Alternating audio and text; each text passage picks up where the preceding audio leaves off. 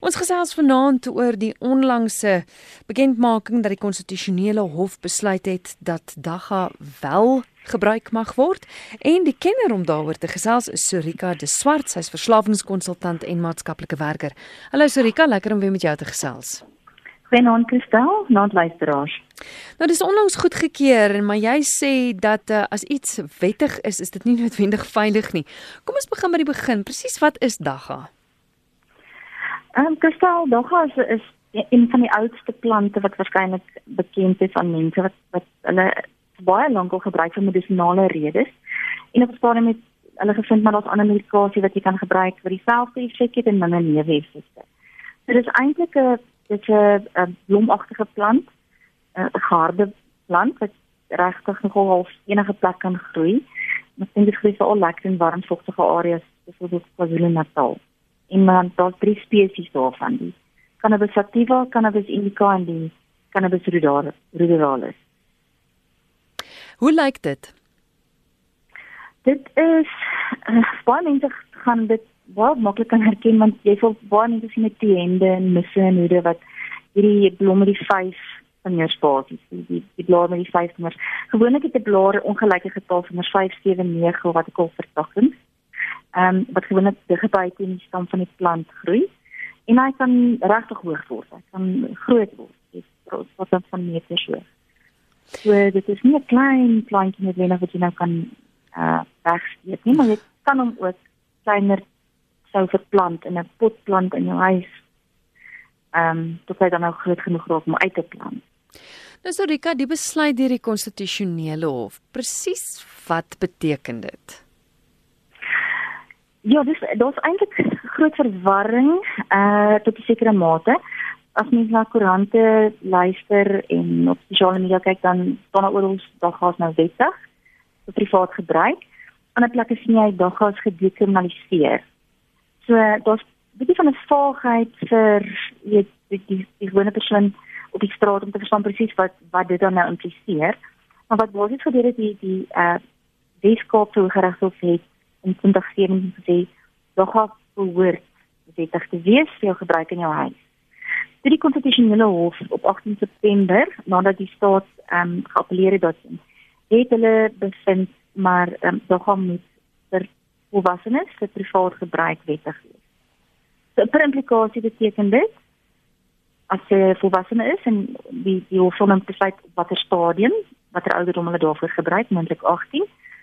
Ehm um, mag jy dit kweek jouself, maar net genoeg dat dit nie lyk asof jy wil handel dryf daarin. So hulle moet ook besluit op wat is die hoeveelheid wat dan nou gesien word as genoeg vir privaat gebruik. En dan die die grootste probleem waarskynlik is die stukkie wat hulle bygevoeg het nou waar hulle sê ehm um, hulle praat nie van in private use of private dwelling soos jou huis alleen het hulle sê ehm um, enige privaat ruimte. Dit is nou daar gaan nog moet gepraat word en gespesifiseer wat beteken die privaat ruimte. Ja, want ek weet ek het vroeër op 'n program gehoor waar iemand sê, jy weet maar privaat ruimte kan 'n uh, koshuiskamer wees of of so iets. So so daar is daar moet ja. nog uitsluitsel. Dis want dit daar's 'n paar slaggate. Dit voel vir my so 'n bietjie vaag in in party areas.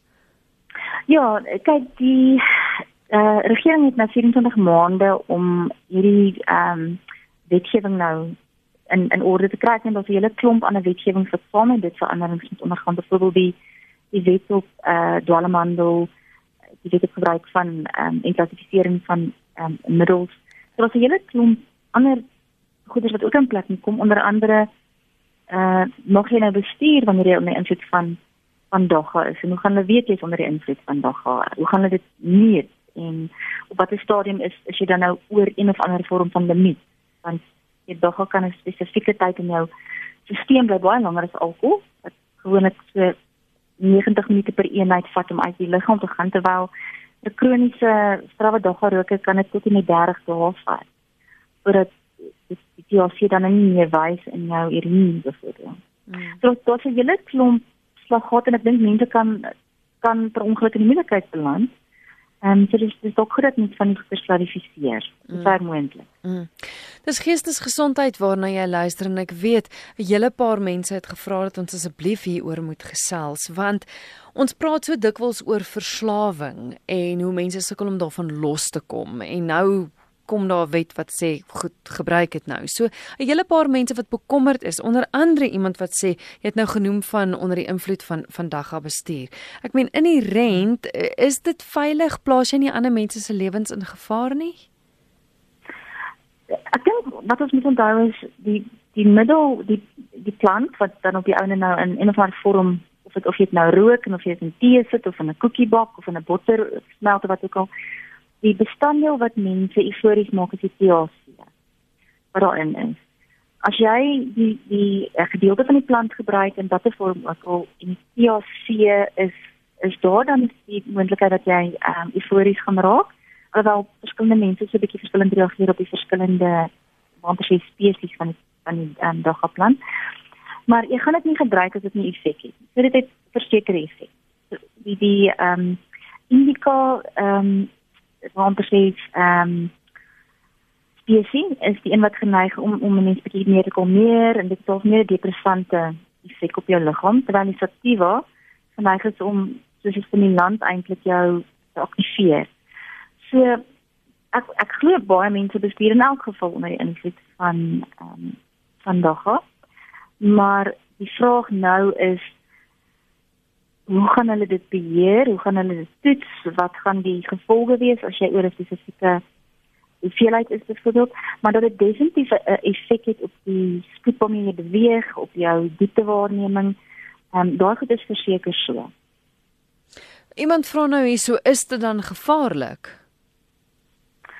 Ek dink ons moet die, die nuwe ontwikkelinge en die nuwe navorsing moet ons in ag neem as ons hierna kyk. Ek sien ek het ook altyd geglo, ek het vir jare in rehabilitasiesentrums gewerk en een van die groot redes hoekom mense kom na rehabilitasiesentrums toe is om van alkohol af te kom of van dagga af te kom. Ehm um, wat interessant is want ons sien nou dat dagga nie regtig fisies so afhanklikheidsvormend is as as uh, psigologies nie. So ek wil amper sê wettig beteken nie noodwendig veilig nie Ons weet dit met alkohol, ons weet dit met met nikotien, ons weet dit met verskeie medikasies wat wat as jy dit nie reg gebruik nie, gevaarlik kan wees. So dis die eerste ding. Wettig beteken nie veilig nie. Die tweede ding is ehm um, nie twee mense reageer noodwendig dieselfde op 'n middel nie. So baie mense gaan regtig 'n tipe van 'n Russian roulette. Jy weet nie of daar onderliggend geestesgesondheidsprobleme is. Miskien sien jy goed dis siektes wat wat dan nou ehm um, gesneller kan word nie jy weet dood eenvoudig nie. En ongelukkig is dit so dat daar gaan die THC daar in elk geval is hallusinogene middel. So wat dit doen is dit veroorsaak 'n distorsie van realiteit. Ehm um, jy kan dink dat dit nie goed kan wees om te bestuur as jou realiteit ehm um, nie akkuraat is nie. Jy kan nie 'n masjien jy kan 'n masjiene werk, gevaarlike masjiene byvoorbeeld nie. Hmm. So wat wat aanbetref hoe dit op die op die in strate op die paaie en die werksplek gaan lyk, is jy eintlik bekommerd. Ehm um, omdat mense waarskynlik makliker dit nou gaan gebruik. Uh maar ek, ek weet nie noodwendig of of nuwe mense dit nou gaan gebruik nie. Ek dink mense wat dit wou gebruik het dit dalk al vir jare gebruik. Hmm. Maar dit gaan dalk nou 'n bietjie meer ge ehm um, struktuur daarin gegee word. In terme van wat dit aan die brein en die liggaam doen, is daar bekommernis. Uh, ons weet uh, jong mense brein ontwikkel tot op die ouderdom van 25 jaar. So die wet is is ook of die uitspraak op die stadium is baie duidelik. Hierdie geld nie vir vir vir kinders en tieners nie. Hulle praat net van 'n volwassene. Jy mag dit glad nie as jy daar gaan byvoorbeeld sou rook. Uh mag jy dit glad nie doen in die teenwoordigheid van 'n van 'n kind nie. En jy mag dit ook interessant genoeg nie doen in die teenwoordigheid van iemand wat nie toestemming gegee het nie. Ah. So dis dis dis interessant. Dit as jy dan nou wil dag gerook, moet jy eintlik al vra, is dit oukei okay met julle? En dit gee vir die werksplek waarskynlik 'n bietjie van 'n manier om dit te beperk. Hmm. Ons kyk gou 'n oproep RSG goeienaand. Hallo. Jy kan skakel 0891104553 RSG goeienaand. Hallo. Hallo. Goed, 0891104553. Se luisteraar Bradley van Huisna wat sê alkohol is 1000 keer meer gevaarlik as dagga. Stem jy saam? Ja. Ek um, ek het baie studies na gelees in laaste tyd waar hulle spesifiek die twee middels te mekaar vergelyk en die realiteit is is dit uh dat alkohol waarskynlik meer verhoudings uh, beïnvloed um op die stadium as gevolg van die gebruik daarvan. Um, is dit verantwoordelik vir vir van die groot hoeveelheid motorongelukke? Is is dit verantwoordelik vir die groot hoeveelheid ongelukke wat jy kry in die werksverband? Dog is ook nie noodwendig, soos ons sê vir almal verslawend nie. Ehm um, maar net soos met alkohol wil ek wil, wil ek wel sê dat onthou dat jy nie weet hoe jou liggaam gaan reageer op hierdie middel nie. Daar's geen opdrag sê daar's geen garantie dat jou liggaam okay gaan wees met hierdie middel. Hmm. Daar is daar is mense wat dit gevaarlik is. En ek dink mense moet die balans hier probeer onthou. Party mense gaan dit gebruik vir medisonale redes. Party mense gaan dit gebruik vir ontspanning ander mense gaan dit gebruik vir religieuse redes. En dan is daar waarskynlik die wat dit gaan probeer omdat dit nou iets nuuts is. En ehm um, dit gaan op die einde elke persoon se privaat besluit wees. Met jy nie ehm um, met jy if wat mens dan kan jy daai besluit neem. Ehm um, maar aan die ons sak dra met dan die gevolge. So as jy dan 'n skizofreniese breek sou kry of 'n psigotiese siekte, dan is dit die gevolg van die gebruik van die middel wat jy miskien nie kon voorsien nie. Maar as jy die twee middels te mekaar bring dan dan lyk dit vir ons asof alkohol eintlik meer gevaarlik is. Hmm. Hier's 'n luisteraar wat nou sê ek is bekommerd want dit voel vir my dagga as die begin van groter dinge.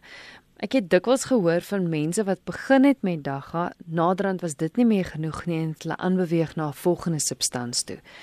Dit maak my bekommerd. Hmm dit maak my bekommerd. Ek dink vir baie jare het ons gesê daggas die is ons het dit genoem die gateway drop, dis die hekkie wat jy spring. Hmm. Ehm um, na die volgende volgende uh, middel toe. En ehm um, ek dink vir 'n groot klomp mense is dit waar. Vir 'n ander klomp mense is is 'n sigaret waarskynlik die eerste middel wat jy neem. Dis nie um, iets wat die manier waarop jy dink doen en en voel verander nie. Ehm um, terwyl alkohol wel effek het op die manier wat jy dink doen en voel. So as mens regtig wil kyk na 'n uh, amper sê 'n deurloopmiddel, dan is alkohol waarskynlik waar dit die eerste keer begin verkeerd gaan vir 'n klomp jong mense, want dit is die eerste keer wat jy gaan voel dat daar 'n middel is wat 'n uh, effek het. Mm. Ehm um, in totaliteit hoe jy die realiteit sien. Die mense wat saamgesels, 'n hele paar luisteraars wat bel RSG goeienaand. Goeienaand. Ja. Ek wil weet watter uh uh spesie of stam van die dagga het die hoogste CBD inhoud. En sy het gesê dat baie daar's ander goed wat dieselfde uh uh gebruik het. Wat byvoorbeeld het dieselfde gebruik wat die hoë CBD inhoud het? Goed, gaan jy vir my luister by die radio? O, oh, skus, daai lyn het baie geraas. Sorika, kon jy hoor? Ek kon hoor ja. Goed. So wat ons verstaan, ek ek is nie seker wat 'n spesies hierdie hierdie ehm um, meeste daarvan nie, maar wat ons verstaan is dat ehm um, elke dagga plant bevat iets soos 61 kannabidole. En een van die kannabidole is die THC en dit is die middel, die delta 9 tetrahydrocannabinol. Ehm um, dit is die een wat mense eufories laat voel. Dit is ook een wat uit die aard van saak gaan help vir pyn en so meer as as jy dit vir medisinale redes sou gebruik. Maar dit is die een wat ons bekommernis oor. En sover my verstaan is dit elke een van die plante het THC in. Ehm um, maar elke een van die plante het ook 'n verskeidenheid van ander kannabinole in ehm um, wat wat juist baie goed is vir goed soos inflammasie. So ek kan nie diferensieer sê watter een van die spesies het die hoogste THC of die hoogste kannabinole in nie. Wat daar kan sê, interessante ding wat ons ook weet is dat ons liggame het reseptors vir die kannabinole. Met ander woorde, daar's iewers in jou liggaam iets wat bind aan aan aan hierdie sê mediese gedeelte van die cannabisplant. En dit is ontvanklik is vir anti-inflammatoriese werking daarvan. Hmm. Maar ek dink dit dit raak baie tegnies en ek uh ek kom nie daar waag te raai nie. Goed. RSG RSG goeienaand. Goeienaand. Ja. Yes, ah, maak ek kook al vir jare my eie botter. Hallo? Ja, ons hoor jou. Ja, en ek kook nou seker nou al vir 'n paar jaar my eie botter en ek is eintlik baie bly. Want weet jy hoeveel medisinale behoeftes is dit eintlik vir ons? Goed, ons gaan nou met Sorika gesels oor die medisinale yes, goeders. Yes, Ja. yes. En dan ook, die ding is is dit gaan nie net oor die THC nie, maar ook oor jou poes, jou fucking hoes. Die medisinale redes, kom ons hoor gou, daar's nog 'n luisteraar. RSG goeienaand. Goeienaand. Ja. Ek bel dit nou oor die medisinale redes vandag. Ek bel die van Kimberley af. Ja. Uh en dis dis 'n lang storie, maar ek het geval in weens siekte toestande is my longe verswak. Nou uh praat die mense van die olie. Ja. As jy dit drink, help dit vir pyn. Nou nie in oormaat nie. Ek wil net weet wat uh, uh wat die dame daarvan sê. Asseblief. Goed, gaan jy luister by die radio? Ek sal luister by die radio. Dankie. Goed, baie dankie. Kom ons gesels gou gou oor dit want ek weet eh, dikwels, ek weet die vorige keer toe ons ook hier oor gesels het, het mense gesê maar dit is wonderlik. Dit het 'n groot verskil gemaak. So daar's daar's half soort van is is daar twee kante van die gebruik van dagga as mens dit so kan sê? ek dink mense sê dis 'n wondermiddel wat wat allerlei goeie gaan genees. Ehm um, ek weet daar is navorsing wat wys dat dit kankerselle kan ehm um, doodmaak en so meer. Ek wil my nie regtig daaroor uitspreek nie, wat ek wel wil sê is ons leer dat die die ehm um, cannabinoids het, het definitief ehm um, was definitief medisinale voordele aan verbonden en daar's spesifieke kondisies wat veral daarmee behandel kan word.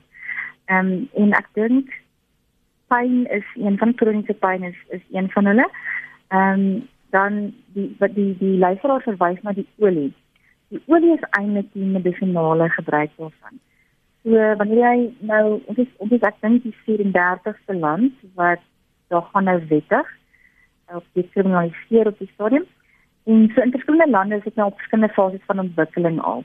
Maar die gedagte is eintlik dat wanneer jy dit vir medisinale redes gebruik, dat jy waarskynlik hierdie stadium jou eie plantjies kan maak en jou tee kan kan kan maak, maar dat daar op 'n stadium 'n manier sou wees vir 'n laboratorium van die THC sal kan onttrek uit sekere plante uit, ehm um, vir sekere kondisies en meer daarvan gebruik en dan meer van die cannabidiol gebruik vir ander kondisies.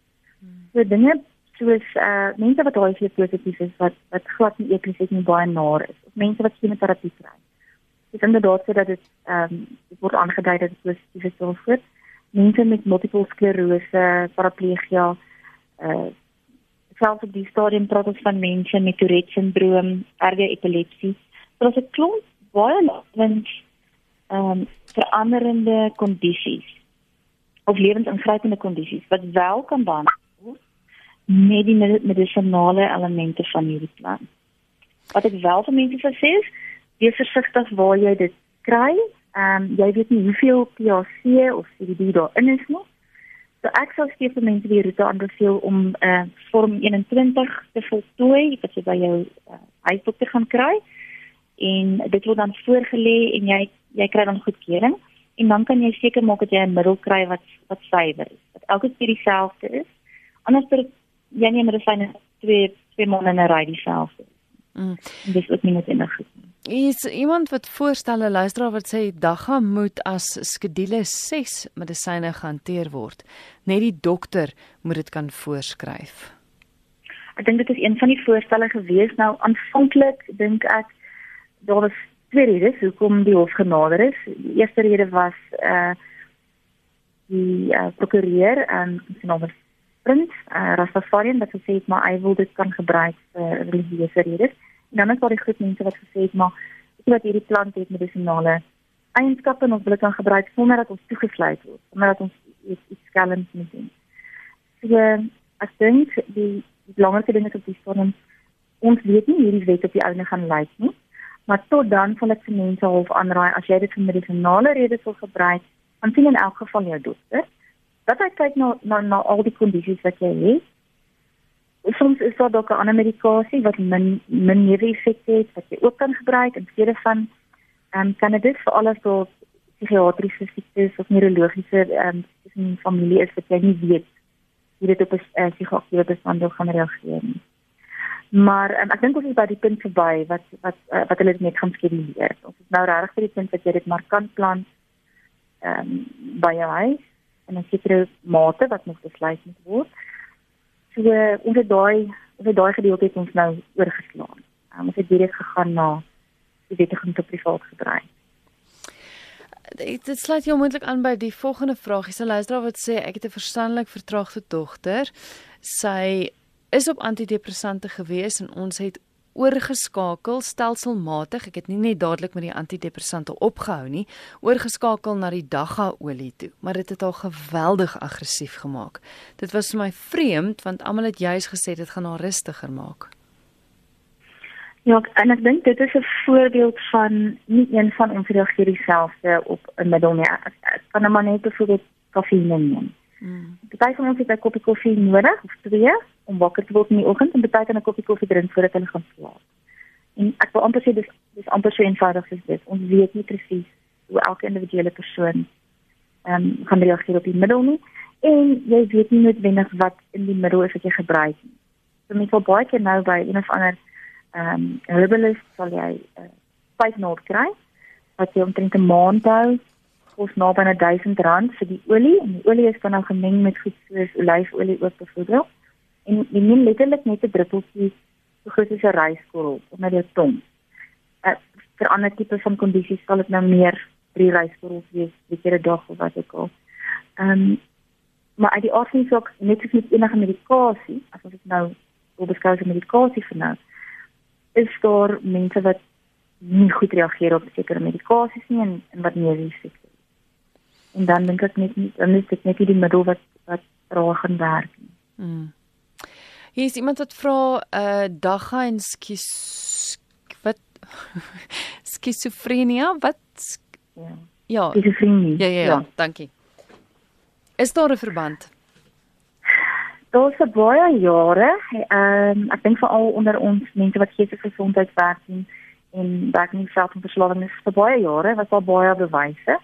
Langtermynstudies, 10 jaar en langer waar tog lyk asof mense wat op 'n vroeë ouderdom begin dagga gebruik, ehm um, groter waarskynlikheid het om 'n psigotiese siekte soos skizofrenie te ontwikkel. Skizofrenie is nie iets wat jy kan genees nie, dit is 'n langtermyn eh uh, psigotiese siekte jy gaan dit nie bestuur vir die res van jou lewe gaan medikasie gebruik.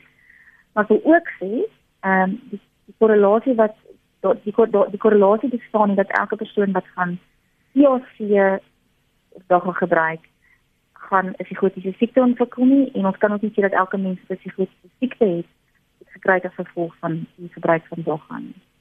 So daar is daar definitief 'n groter kans onder sekere groepe en sekere ouderdomme En dis hoekom ek sê ek, ek dink dit is onverantwoordelik vir jong mense om dit enigsins te gebruik terwyl jou brein nog ontwikkel.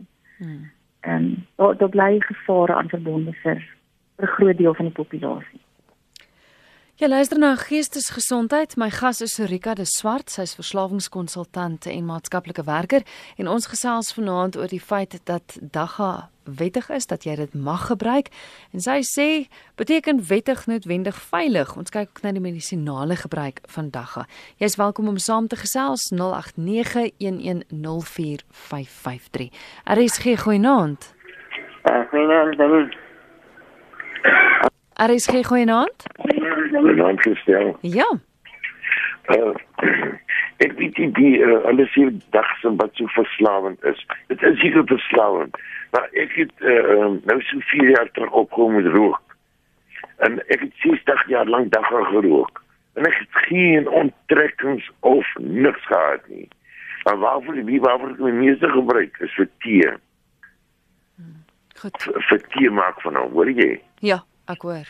Ja, ja tee, want kyk jy jy vat boegu, jy vat wille als wat baie uh, bekende uh, tee goed is en en uh, met nou nie rooibos nie maar uh, kyk die boegu word gerook, wille als word ook nie gerook nie. En russie is ook 'n vers, verslaafde ding. Uh, droogte russie. Ek kan nie hom rook as hy uit uit mekaar uitbrand. Mm. Jy moet 'n tee maak van hom. Jy moet hy moet, hy moet opgelos word in water En en dit is waar die mense die fout gemaak het met dagga. Die dagga het begin het uh, al reg gebruik was. Kyk soos ibogaine. Hy uh, was in die begin af reg gebruik en in in die poppy die die die uh uh op opium. Die opium is ook reg gebruik. Hy mense kon niks oor van hom nie. Baie dankie vir die bel. OK, uh gesê, nou maar gee my nodig. Okay. Ek ken hom vir my. Dis reg. Sorika kom dit weer terug op die feit dat elkeen reageer anders daarop. Ja, ek dink dis een element daarvan. Die tweede ding is daar is definitief middels wat fisies meer verslawend is ehm um, as ander en dogga is nie een van hulle nie. Dogga is definitief nie so kundig gewoontevorming. Ek dink die luisteraar is is korrek as hy sê dat ehm um, wanneer dit gerook word is dit uit die aard van saak meer verslawend want dogga blare op sigself brand baie moeilik. So mense meng dit met tabak. Die oomblik wat jy dit gaan rook, dan dan is, is nikotien betrokke en baie van die ander middels en, en dan is dit meer verslawend want dan is jy eintlik raak jy eintlik verslaaf aan nikotien. Maar wat ons ook weet is dat eenmal het mense onttrekkingssimptome, lyk soos onttrekkingssimptome, want jy sal miskien dogga begin gebruik omdat jy angstig is of nie kan slaap nie, wat ook al die geval is. Wanneer jy dan stop, ewe skielik dan keer die angs terug of die slapeloosheid keer terug. En dan sal mense sê maar sien jy jy het nou onttrekkingssimptome. Wat nie noodwendig die geval is, maar ek dink ons moet onthou dat mens eintlik jou liggaam geleentheid gee om aan aan maniere te werk om self met slapeloosheid en angs en so aan ehm um, dit om om tegnieke te ontwikkel. Eh uh, wat jy moet saam met medikasie sou kon gebruik. Maar so ehm um, ons ons op die stadium is is die ek dink die standaard antwoord is dit is meer sielkundig verslawend as fisies verslawend. Nou goed gestel, iemand kom na agter maar hulle is te nou sielkundig verslaaf daaraan. Uh eerstens, hoe weet mense dit en, en wat doen mense daaraan?